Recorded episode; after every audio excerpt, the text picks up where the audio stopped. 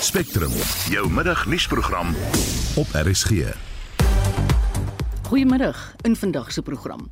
Soos ons in die nuus gehoor het, meer as 2500 kragonderbrekings word in Johannesburg na gister se swaar storm aangeteken. Yes, trees have fallen, hitting like parking lots and damaging vehicles, service and personal vehicles. Talle strande langs die tuinroete is gesluit weens 'n neerslag wat soos oliedruppels lyk. Op hierdie stadium ondersoek ons nog die oorsprong. Ons kan nie sê presies wat die oorsprong is nie. Die departement visserye en bosbou en omgewing het monsters geneem van die olie en hulle probeer om hulle noem dit 'n olie fingerprint. Welkom by Spectrum. Die span vandag is Hendrik Martin, redakteur, Daitron Godfrey, ons programregisseur en ek is Marieta Kreer. Daar is geen verkeer. In Gauteng, in Johannesburg op die R24 Oos, net na die Galulies wisselaar, staan 'n vragmotor in die linkerbaan. In Pretoria op die N4 Wes, net voor die proefplaas wisselaar, word die pad deur 'n voertuig versper. Indien jy enige ander verkeersnuus het, stuur vir ons 'n SMS na 45889 teen R1.50 en begin die boodskap met die woord verkeer. Ek is Bianca Olifant met die verkeersnuus vanmiddag.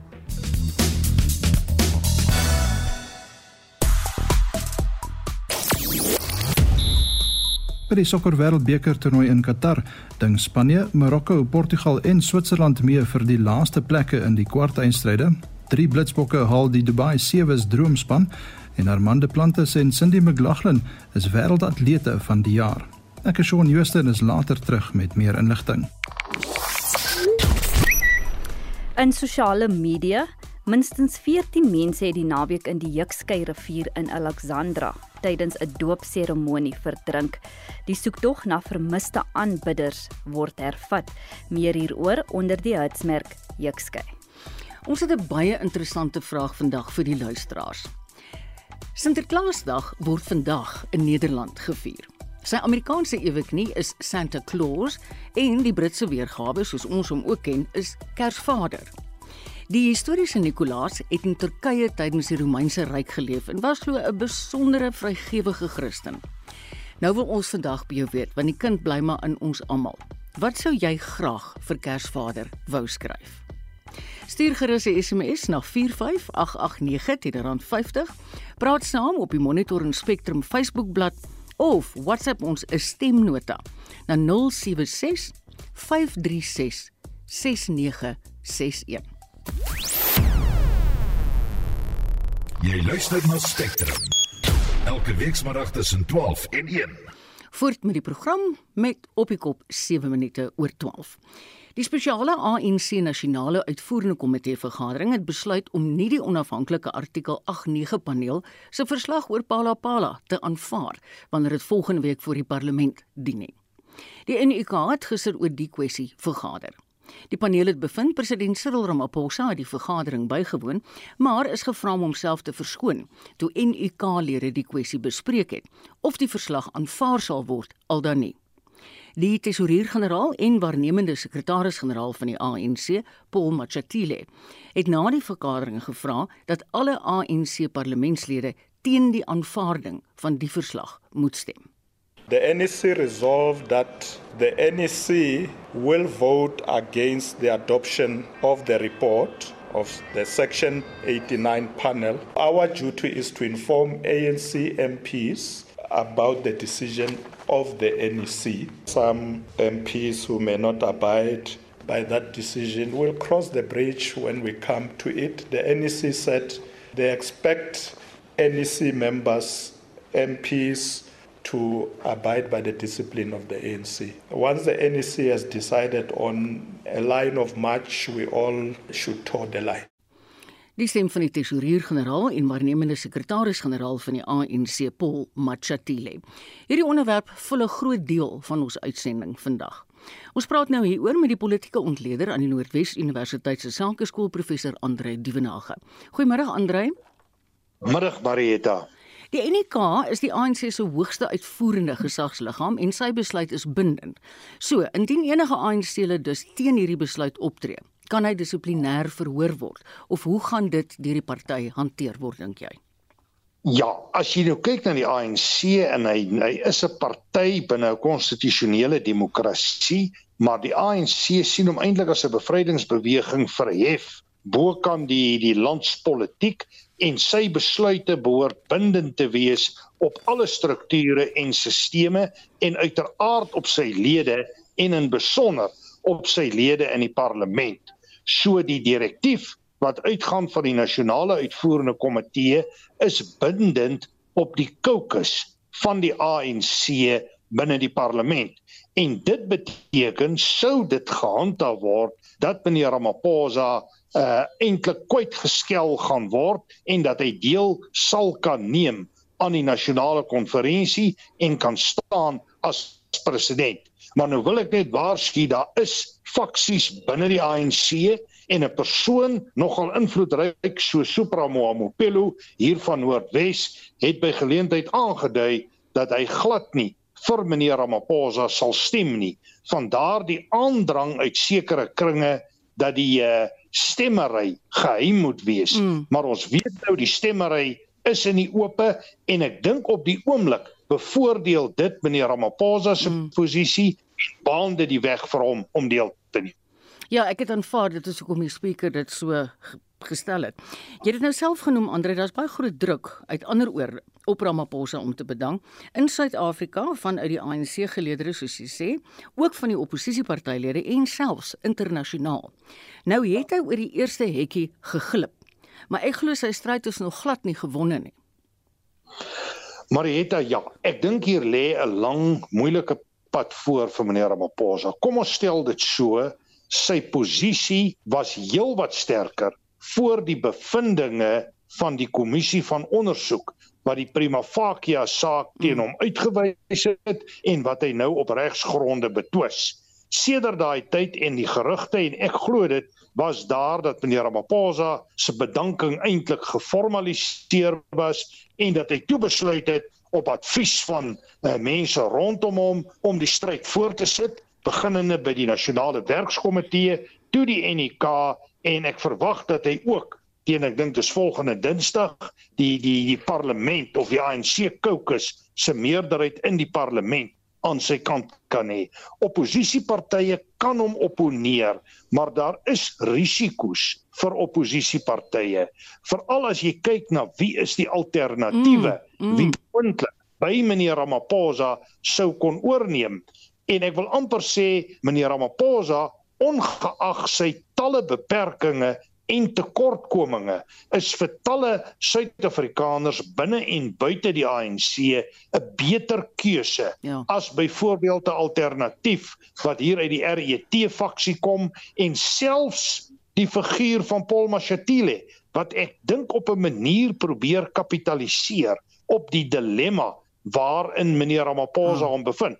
Maar ek wil sê al gaan hy selfs deur die nasionale konferensie en hy gaan 'n baie moeiliker nasionale konferensie daar kry want ek tel op dat daar reeds alliansies teen hom vorm aanneem maar selfs al is hy suksesvol as leier is dit nog nie die einde van hierdie geveg teen hom nie en sal dit voortwoed ongetwyfeld in die nuwe jaar al sou die konferensie nou 15 Desember plaasvind. So vir meneer Ramaphosa lê hier 'n moeilike tyd voor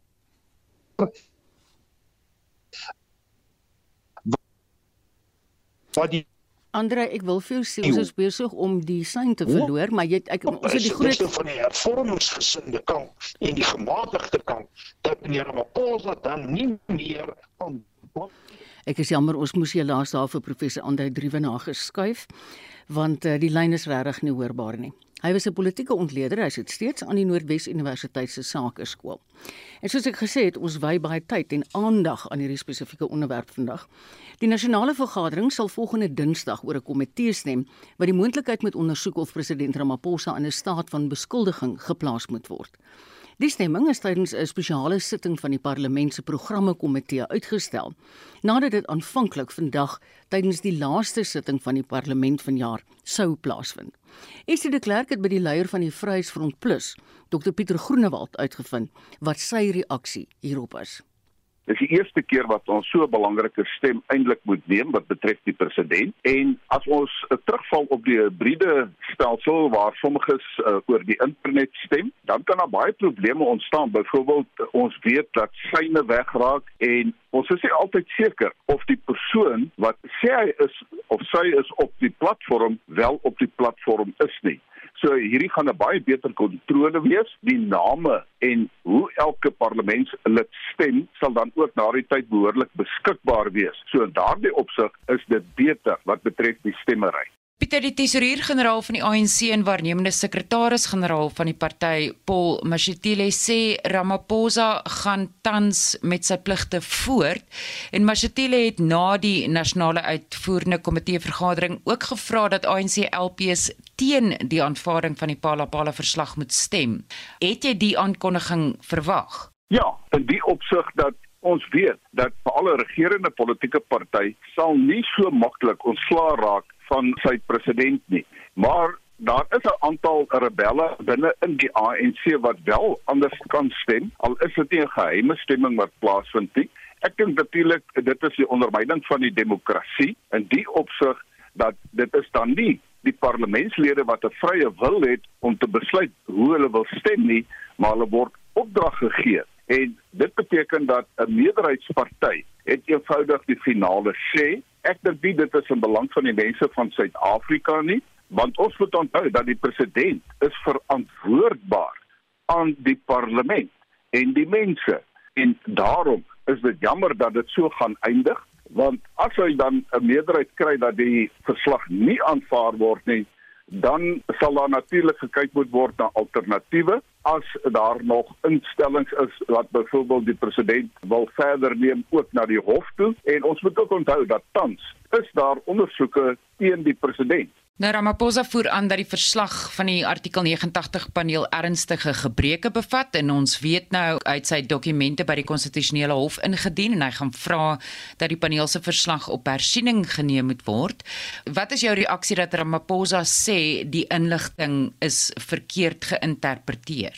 My uitgangspunt is gewoonlik dat die oomblik wanneer regsverteenwoordigers op tegniese punte begin fokus, dan vermy hulle eintlik 'n debat oor die meriete van die saak. Daar is baie duidelike vrae wat die mense van Suid-Afrika graag wil weet. Die president ontken nie dat daar byvoorbeeld 'n groot bedrag buitelandse geld wel in sy Fala Fala eiendom was. Hy erken dat dit gesteel is en dit maak nie saak wat die bedrag is nie. Die feit van die saak is die president het erken op daardie twee aspekte. Dit is 'n saak wat hy moet beantwoord. Hoekom het hy dit nie byvoorbeeld by die valke aangemeld soos wat die wet bepaal nie. Ek verstaan dat hulle die tegniese aspekte doen. Hy wil oorleef. Hy moet oorleef ter wille van die ANC, maar dit is doodgewone vrae wat die redelike man op straat vra.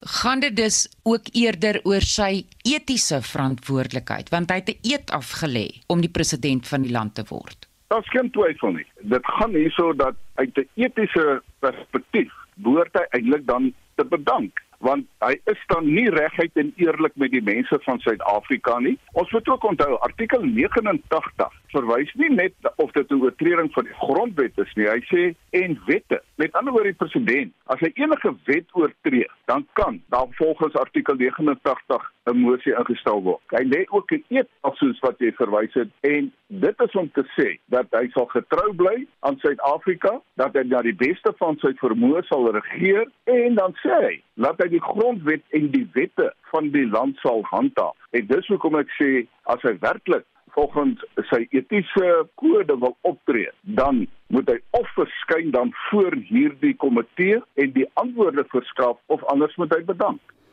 So sê die leier van die Vryheidsfront Plus, Dr Pieter Groenewald en hy was in gesprek met Estie de Klerk. Hendrik Martin het met 'n parlementslid van die ACDP, Steve Swart, oor hulle siening van die saak gepraat. Ja, die ACDP is beslis tevrede met die paneel en hoe dat sy werk terug het.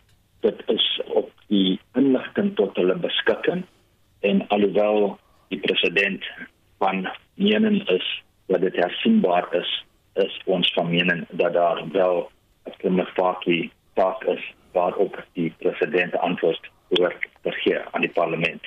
ons sien daarna uit om die verslag te debatteer wat vandag sou plaasgevind het, maar van ons kant af en ander politieke partye was van mening geweest dat dit moet uitgestel word vir die logistieke reëlings in verband met die fisiese bywoning van die parlement. Ons sou ook verkies het dat 'n geheime stemming moes plaasvind want ons weet daar's baie ANC-lede wat die verslag ondersteun, maar wat dit dalk nie in die openbaar sou sê nie. Maar ons is ook vol vertroue dat met 'n stemmery wat elke van die parlement kan opstaan en sy stem uitbring, kan dit wees dat daar wel lede is wat 'n gewete het en wat die verslag sou ondersteun. Hoe gaan julle stem volgende Dinsdag? Wel, alle aanduidings is dat ons en die oppositiepartye, meeste oppositiepartye die verslag sou ondersteun. Ons is van mening dat dit 'n goeie verslag is, dat daar inligting is wat regverdigbaar is en waarop die president 'n antwoord aan die parlement verskuldig is. Onthou dis net die eerste stap in 'n proses en die verslag het baie duidelik gestel dat daar wel op die eerste oogafslag soos hulle sê op prima facie getuienis is waarop die president 'n uh, antwoord verskuldig is aan die parlement en aan die nasie. Dit is baie ernstig. Die bewering is baie ernstig en president sê hy het niks verkeerd gedoen nie, wel dan sal hy die kans gegee word in 'n akte van beskuldiging proses om sy onskuld te bewys of andersins sal getuienis gelei word word dat hy wel skuldig is aan die beweringe soos vervat in die akte van beskuldiging en die paneel se uh, verslag oor die beweringe daarin vervat deur die politieke partye. So ek wil jou net reg verstaan, so julle sou 'n uh, staat van beskuldiging of impeachment ondersteun dat daai proses dan nou uiteindelik gevolg word. Ons sou dit beslis oorweeg en dit is gebaseer op die paneel se verslag wat die parlement aangestel het om die parlement leiding te gee. Die paneel het uitgekom met baie baie sterk aanbevelings en gesê dat daar 'n saak is waarop die president moet antwoord en gevolglik is ons insiens die volgende stap behoort dat die komitee oor die akte van beskuldiging moet nou sit en begin om sy werk te doen. So ja, en daai opsig sou ons beslis die paneel se aanbevelings oor die ernstigheid van die beweringe ondersteun. Ons het almal donderdag verwag dat Ramaphosa uit sy amp sou tree. Dink jy hy moes dit gedoen het? Dit is altyd 'n baie moeilike situasie 'n baie moeilike vraag. Ek weet daar's verskeie menings hieroor hier het ons baie baie ernstige beweringe van 'n fakke getuienis wat baie baie ernstig is en so ja 'n mens kan 'n saak uitmaak dat hy mis bedank het en is afgestaan het weet want hy staan nou op in die posisie dat hy so gekant is teen korrupsie en wandaade en het nog nie behoorlike antwoorde gegee oor waar daai geld vandaan gekom. En, ons weet onbehalwe die onafhanklike paneel se verslag wat streamend is en wat verdoemend is gebaseer op prima facie getuienis is daar ook strafregtelike ondersoeke deur die foute deur die SA Reservebank as ook 'n uh, ondersoek deur die openbare beskermer. Van ons kant af is dit so dit in die land se beswil gewees het en die net so afgestaan is So sê Steve Swart van die ACDP. En nou vir iets heeltemal anders. Talle strande langs die tuinroete is gesluit weens 'n neerslag wat soos oliedruppels lyk wat einde verlede maand aan die kuslyn van die tuinroete gevind is. Opruimingsoperasies is aan die gang na mate die vakansieseisoen naderkom. Bianca Olifant het gesels met die hoof van rampbestuur by die tuinroete distriksmunisipaliteit, Gerard Otto, wat wel sê die meerderheid strande is oop. 90% is oop. Kie wat nog toe is en dis basies in George's Harold's Bay. Hy's toe maar hy maak elke dag oop. Dit hang af van hulle maak in die oggend skoon en maak dit oop. Maar hulle maak basies net skoon vir die areaatjies waar hulle werk. Die res van die strande is almal oop. Wat is die oorsprong van die oliestorting? Op hierdie stadium ondersoek ons nog die oorsprong. Ons kan nie sê presies wat die oorsprong is nie. Die departement visserye en bosbou en omgewing het monsters geneem van die olie en hulle probeer om hulle noem dit 'n olie fingerprint. So hulle probeer om dit te koppel aan 'n oorsprong, maar op hierdie stadium is daar nog 'n ondersoek, is nog geen finale antwoorde gegee nie. Is daar enige berigte wat die oliestorting met mense, voëls of seelewe verbind? Tot op hede gelukkig nie. Nêrens is die oliestorting verbind tot enige menselewens of voels of so nie. Daar is geen besoedeling deur Senkop by ons aangemeld of deur die plaaslike wildlewe organisasies wat vir ons monitor om te kyk of enige van die diere geaffekteer is nie. Nee, gelukkig tot hede niks nie. Wat gebeur as iemand in aanraking met die olieneerslag kom? Basies is meer 'n nuisance factor. Jy gaan 'n kolletjie op jou hê waar die olie nou gaan sit.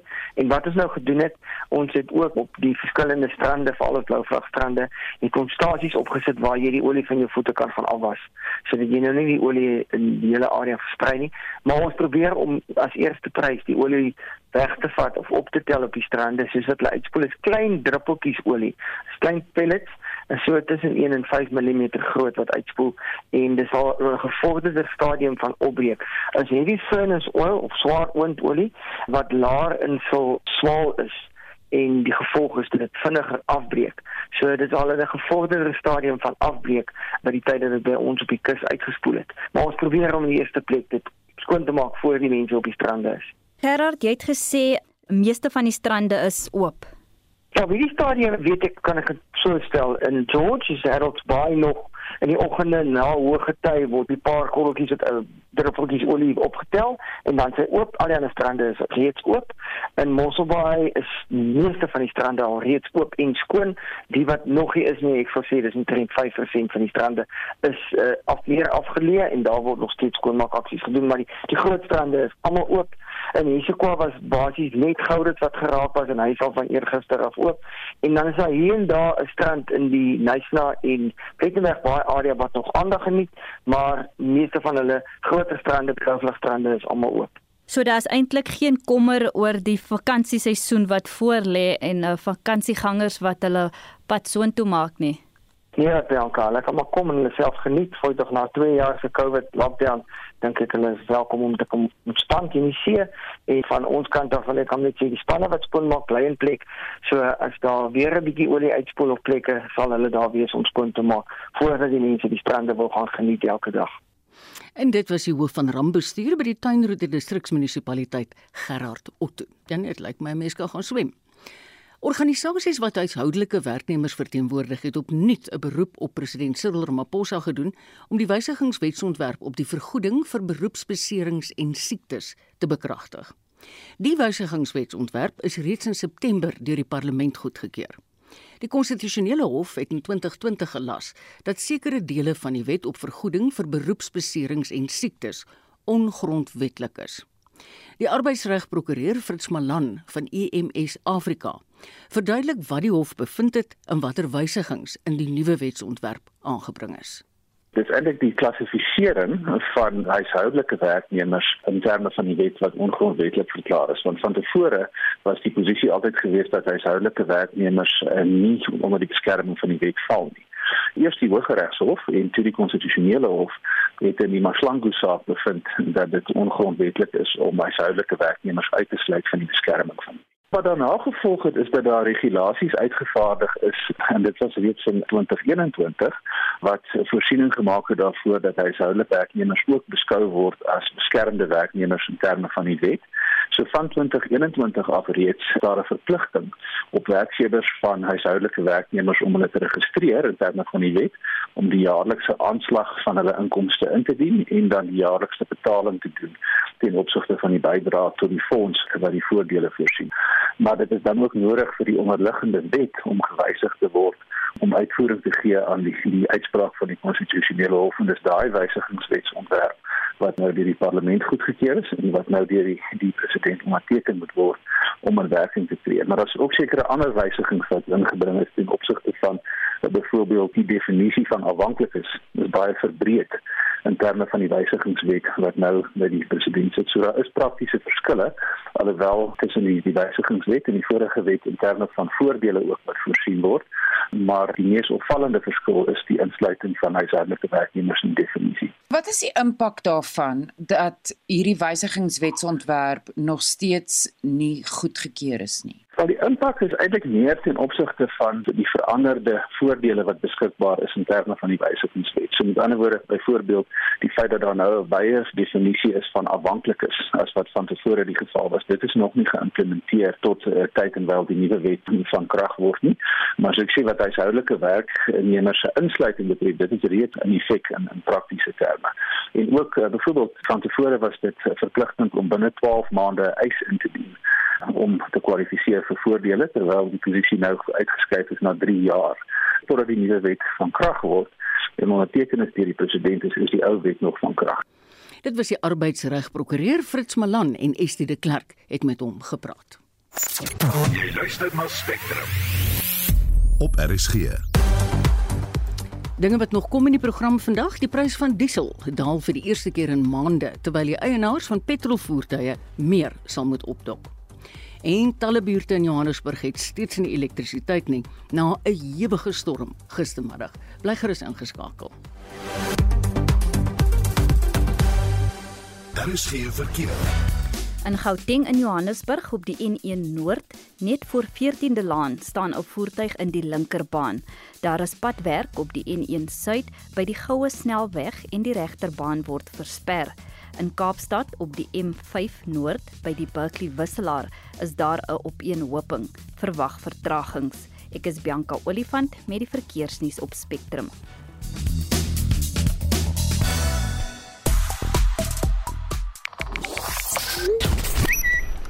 Op sosiale media, Marietta, praat die mense oor die talle woonbuurte wat steeds sonder krag is mm. as gevolg van die donder en haalstorms wat gister gewoed het. Dit was aan woes hè? Baie. Die houtsmerk Kirsty Ellie het meer as 130 000 tweets gekry. Die 71-jarige aktrise is dood na 'n kort stryd met kanker. Baie baie hartseer nuus daai. Ek dink ons almal onthou haar met 'n lekker hart. Nou is dit tyd vir Shaun Jooste om ons op hoogte te bring van die sportnuus. By die Sokker Wêreldbeker toernooi in Qatar word die laaste 16 ronde vandag afgehandel. Spanje kom 5 uur teen die laaste oorblywende Afrika span Marokko te staan en Portugal meet vanaand 9 uur teen Switserland kragte. Spanje is onoorwonde in 3 wedstryde teen Marokko en dit sluit 2 oorwinnings in. Portugal en Switserland ontmoet mekaar vir 'n derde keer in 2022 met beide spanne wat een wedstryd elk gewen het. Argentinië, Nederland, Engeland, Frankryk, Brasilië en Kroasie het reeds na die kwartfinale deurgedring. Die kwartfinale begin môre met 'n reuse kragmeting tussen Argentinië en Nederland. Daarna meet Engeland teen Frankryk en Brasilië teen Kroasie kragte. En oor na rugbynuus. Drie Blitsbok spelers is in die Dubai 7 se droomspan ingesluit. Sifiwe Soye Zwapi, Branko de Pre en Ricardo Duarte is ingesluit nadat Suid-Afrika in die eindstryd met 21-5 teen Ierland koning gekraai het. Die derde been op die wêreld sewes reeks, die Kaapstad sewes, word van Vrydag tot Sondag by die Kaapstad Stadion gespeel. Die Blitsbokke is in groep A saam met Fiji, Frankryk en Kanada. Ons vroue span neem ook aan die sewes deel en is saam met Australië, Ierland en Spanje in 'n groep geplaas. Volgens berigte uit Engeland het die Engelse rugbybase besluit om die afrigter Eddie Jones na 'n teleurstellende 2022 waarin Engeland slegs 512 toetse kon wen af te dank. Dit het 'n 27-13 nederlaag op Twickenham teen Suid-Afrika ingesluit. Jones kan moontlik deur die voormalige Engelse kaptein Steve Borthwick, breier van die Leicester Tigers, vervang word.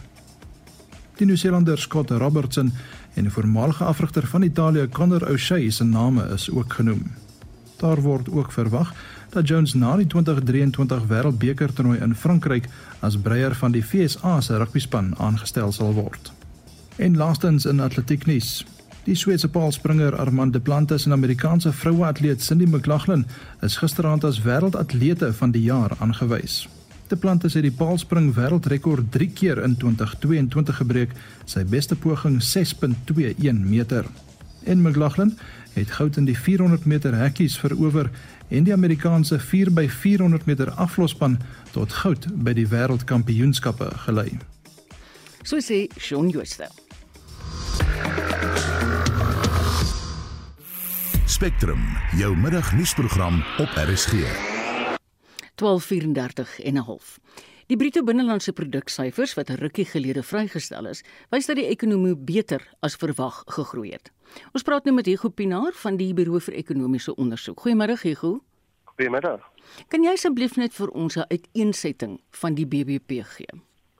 Ja, seker. So jy, jy het nou reeds genoem dat dit beter as verwag was. Uh, mens moet sê dit was heelwat beter as as verwag. So 1.6% uh, kwartaal op kwartaal. Met ander woorde, in die derde kwartaal hierdie jaar relatief tot die tweede kwartaal van die jaar, het die ekonomie um, in reële terme met 1.6% uh, gegroei.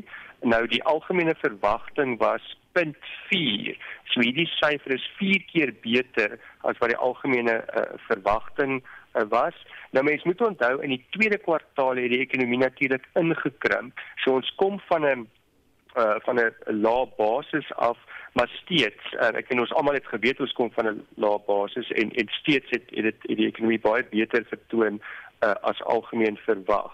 Nou as ons net vinnig na die sektore kyk, um, dan is dit veral die landbousektor. So dis 'n klein sektor in die ekonomie, maar hy het teen 'n baie skerp tempo teruggespring uh, in die derde kwartaal. So dit het 'n uh, groot bydrae gemaak tot die oorhoopse uh, goeie BBP syfer en dan het die finansiële sektor ook ehm um, uh, goed goed gedoen. En dan laastens mynbou en vervaardiging wat nou nie 'n verrassing was nie. Hulle het ook teruggespring uh, na inkrimpings in die tweede kwartaal.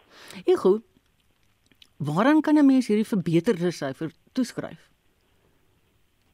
Nou mynbou en vervaardiging, ehm um, dit was verwag want onthou in die tweede kwartaal was daar spesifieke skokke in die vervaardigingssektor, ehm um, het ons die vloede in in KwaZulu-Natal mm. gehad mm. wat vir al voertuigproduksie daar uh, onderdruk het. Nou voertuigproduksie het nou in die derde kwartaal teruggespring van daai 'n uh, uh, negatiewe syfers. So dit verklaar tot 'n groot mate vervaardiging. In die mynbou sektor het ons die tweede kwartaale baie lank staking in die goudbedryf oh, ja. gehad hmm. en nou het goud mooi teruggekom in die derde kwartaal. So daai twee dink ek is is, is redelik duidelik. Aan die landboukant uh, lyk my daar was bietjie vertragings met met die mielieoeste in die tweede kwartaal en dit het nou mooi ingekom waarskynlik in die in die derde kwartaal. So dit mag mm. die landbou storie uh, verklaar.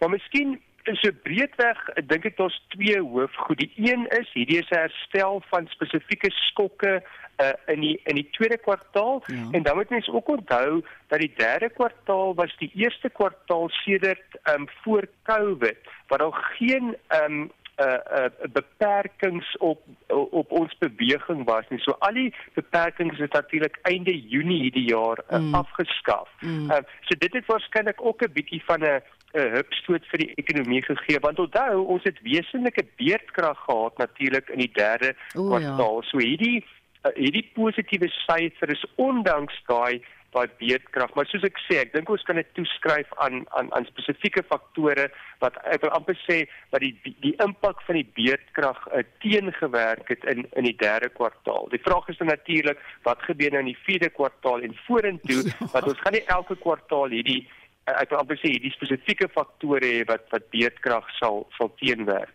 Ja, sal jy nie asseblief vir ons sê hoe sien jy daai kom ons sê korttermyn toekoms nie vir die vierde kwartaal?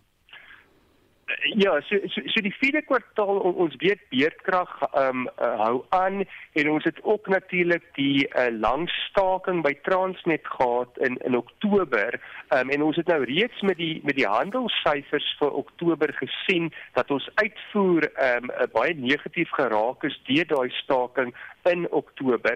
So ek sou verwag dat groei in die vierde kwartaal as mens nou op 'n kwartaal op kwartaal basis kyk Ehm um, en waarskynlik ook jaar op jaar dat dat die groei momentum redelik ehm um, verstadig.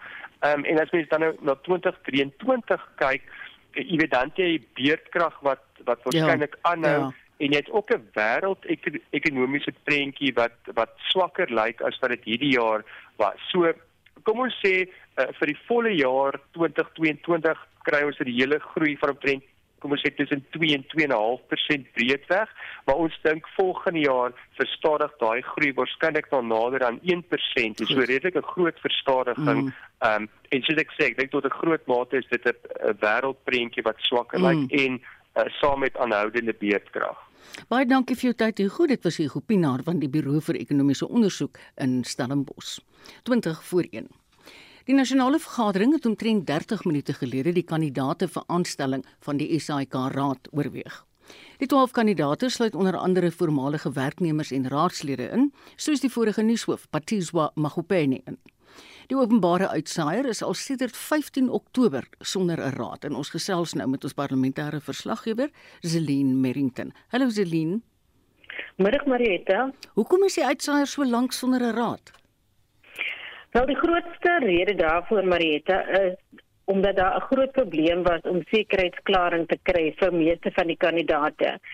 En ehm um, die kandidaate is nie die enigste wat onder die departement van staatssekuriteit deurgeloop het nie. Ehm um, skoor het ook onlangs gekla oor die ehm um, vlakke pad waarteen die staatsekuriteitsdepartement hierdie klaring doen. So dit is hoekom die proses verskriklik lank gesloer het. Goed. Die name is toe nou vanoggend aan die nasionale vergadering voorgelê en wat het die hmm. politieke partye te sê gehad?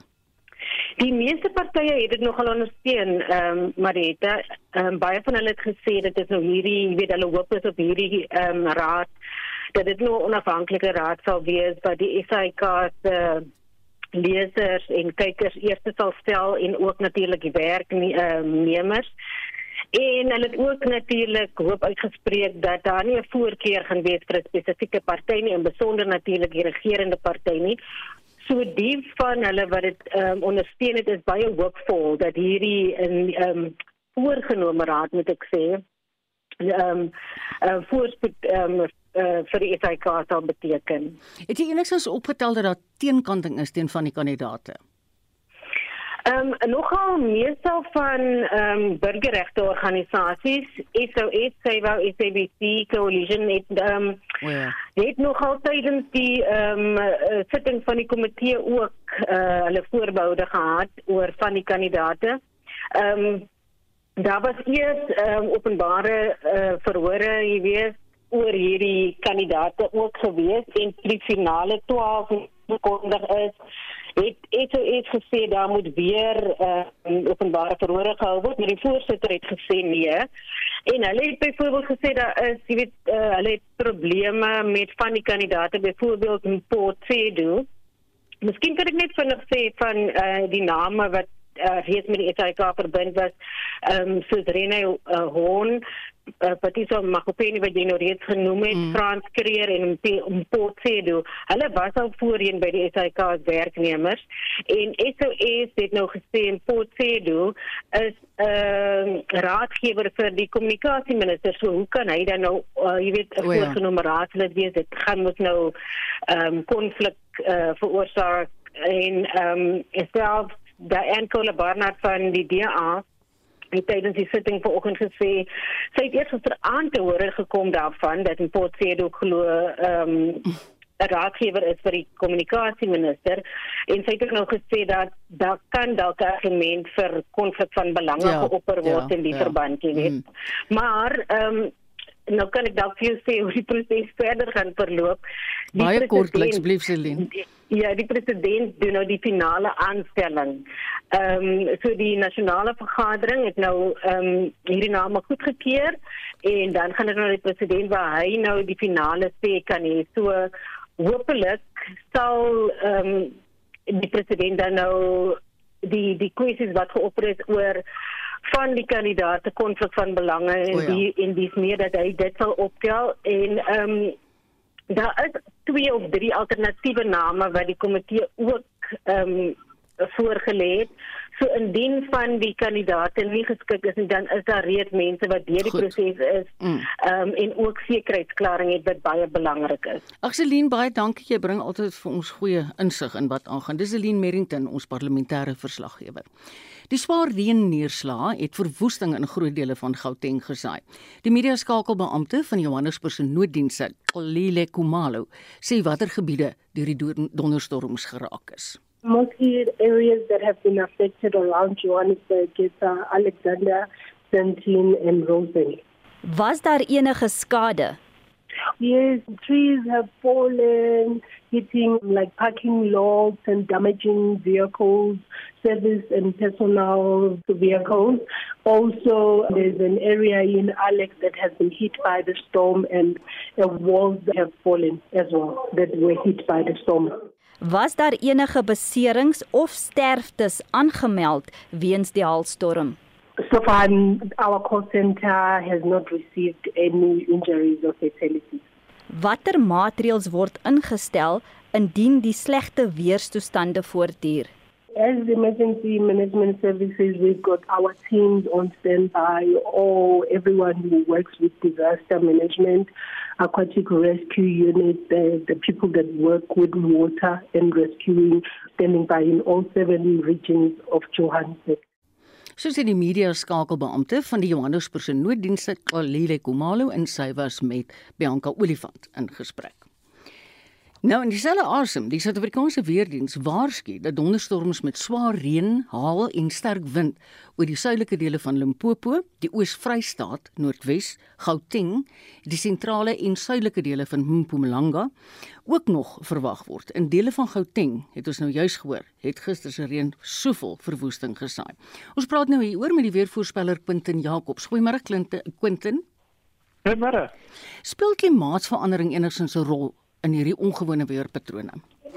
Wel kyk klimaatsverandering uh, het het die effekte uh ons vaardige weer meer gereeld gebeur as normaalweg. So dit het so 'n bietjie van 'n bietjie van 'n effek, maar dit is ons reenseisoen op die oomblik so ja. en dit is La Nina al Nina La Nina op hierdie stadium so reënval is op hierdie stadium bo bo normaal. So dit is redelik normaal vir hierdie tyd van die jaar. Ja. Quentin, dink jy ons gaan nou in die hele somervakansie wat voorlê, kom ons sê byvoorbeeld tot na Kersfees, nog baie reën kry? Dit dit lyk dit lyk op hierdie stadium uh, ten minste vir die volgende vir die volgende 2 weke lyk dit asof ons goeie reën kan hê. Verder is dit kan ek nou nie regtig sien nie uh, op hierdie stadium nie, maar dit lyk asof ons maar redelike nat Desember Desember gaan hê. So ons hoop maar teen Kersfees naweek is daar dalk 'n bietjie 'n breek, maar dit is bietjie vroeg om te sê. OK. Lyk vir my julle ouens gaan baie hard werk hierdie Desember. baie dankie Quentin. Dis Quentin Jacobs se weervoorspeller by die Suid-Afrikaanse Weerdiens. Die voormalige, wag ek 'n bietjie kyk, dis nie daai ene wat hulle wil hê nie. Kom ons kyk waar is Haiti. Ouens, ek het hom ongelukkig nie. Ek sou graag dit vir julle wou gedoen het, maar ek het hom nie. In elk geval ek wil net sê onthou nou, ons het nog sake nuus wat vanmiddag voorlê en daarna gaan Estie vir ons die hele middag se program opsom, sommer net in 'n neutedop in geval jy laat ingeskakel het. Dis wat ons in die middag net vir die program klaarmaak gewoonlik doen. Die FSA se Biden-administrasie het gister wettige landsbeskerming uitgereik aan landsburgers van Haiti wat in die FSA woon weens die misdaadkrisis wat in Haiti heers. Amerika het ook gesê die 10000e onwettige immigrante van Haiti wat in die FSA aankom, mag op 'n tydelike basis wettiglik in Amerika woon en werk. Menseregte groepe in Haiti sê meer as die helfte van Haiti se hoofstad, Port-au-Prince, word nou deur bendes beheer. Estie het hierdie verslag saamgestel met behulp van die BBC. Die Verenigde Nasies sê Port-au-Prince staan op die afgrond van 'n ineenstorting. Menseregte groepe sê bendes gebruik verkrachting as 'n wapen teen burgerlikes. Tussen Januarie en Junie vanjaar is 934 moorde by die VN aangemeld en 680 mense is ontvoer. Die meeste van die slagoffers was nie direk by bendes betrokke nie.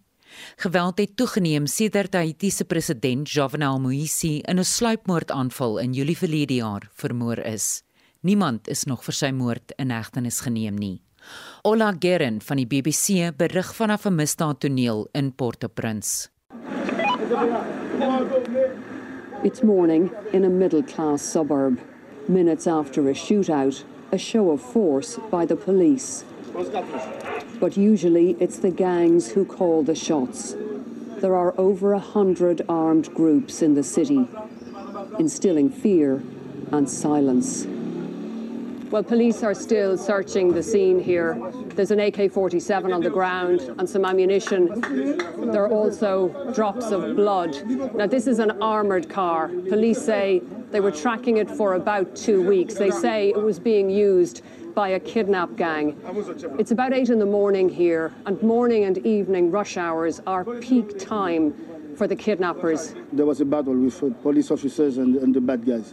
One of one of them died. We got the vehicle, and this is uh, one of the weapons the bad guys had in their hands. Do they have many armored vehicles, the kidnappers? I don't know. There, there are plenty. I'm sure there are plenty.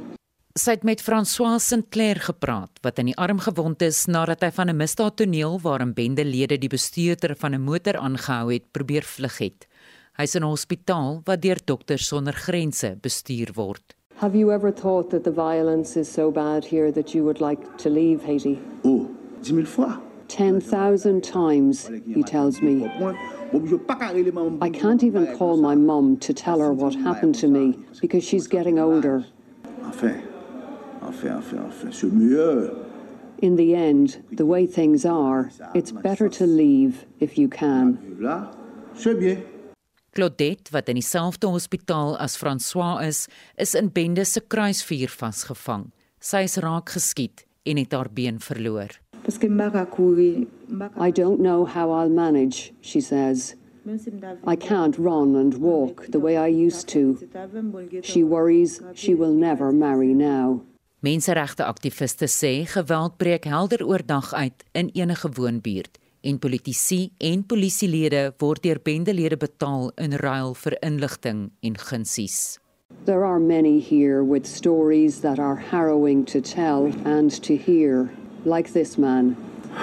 His neighborhood is controlled by a gang whose rivals came on a killing spree. For his safety, we are not naming the area or the armed group involved.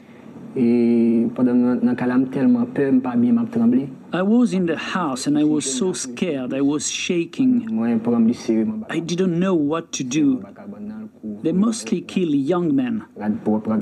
My wife took me and hid me under the bed and covered me with piles of clothes. And my nephew was hiding in the wardrobe. Soon the gunmen were in his house. When his nephew ran from his hiding place, they chased him and killed him. What hurts me the most is that when I was under the bed, I couldn't see, but I could hear the man raping my wife.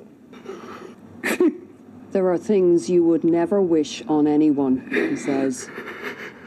His wife is now pregnant, and they don't know if he is the father. He tells us Haiti has been erased from their hearts.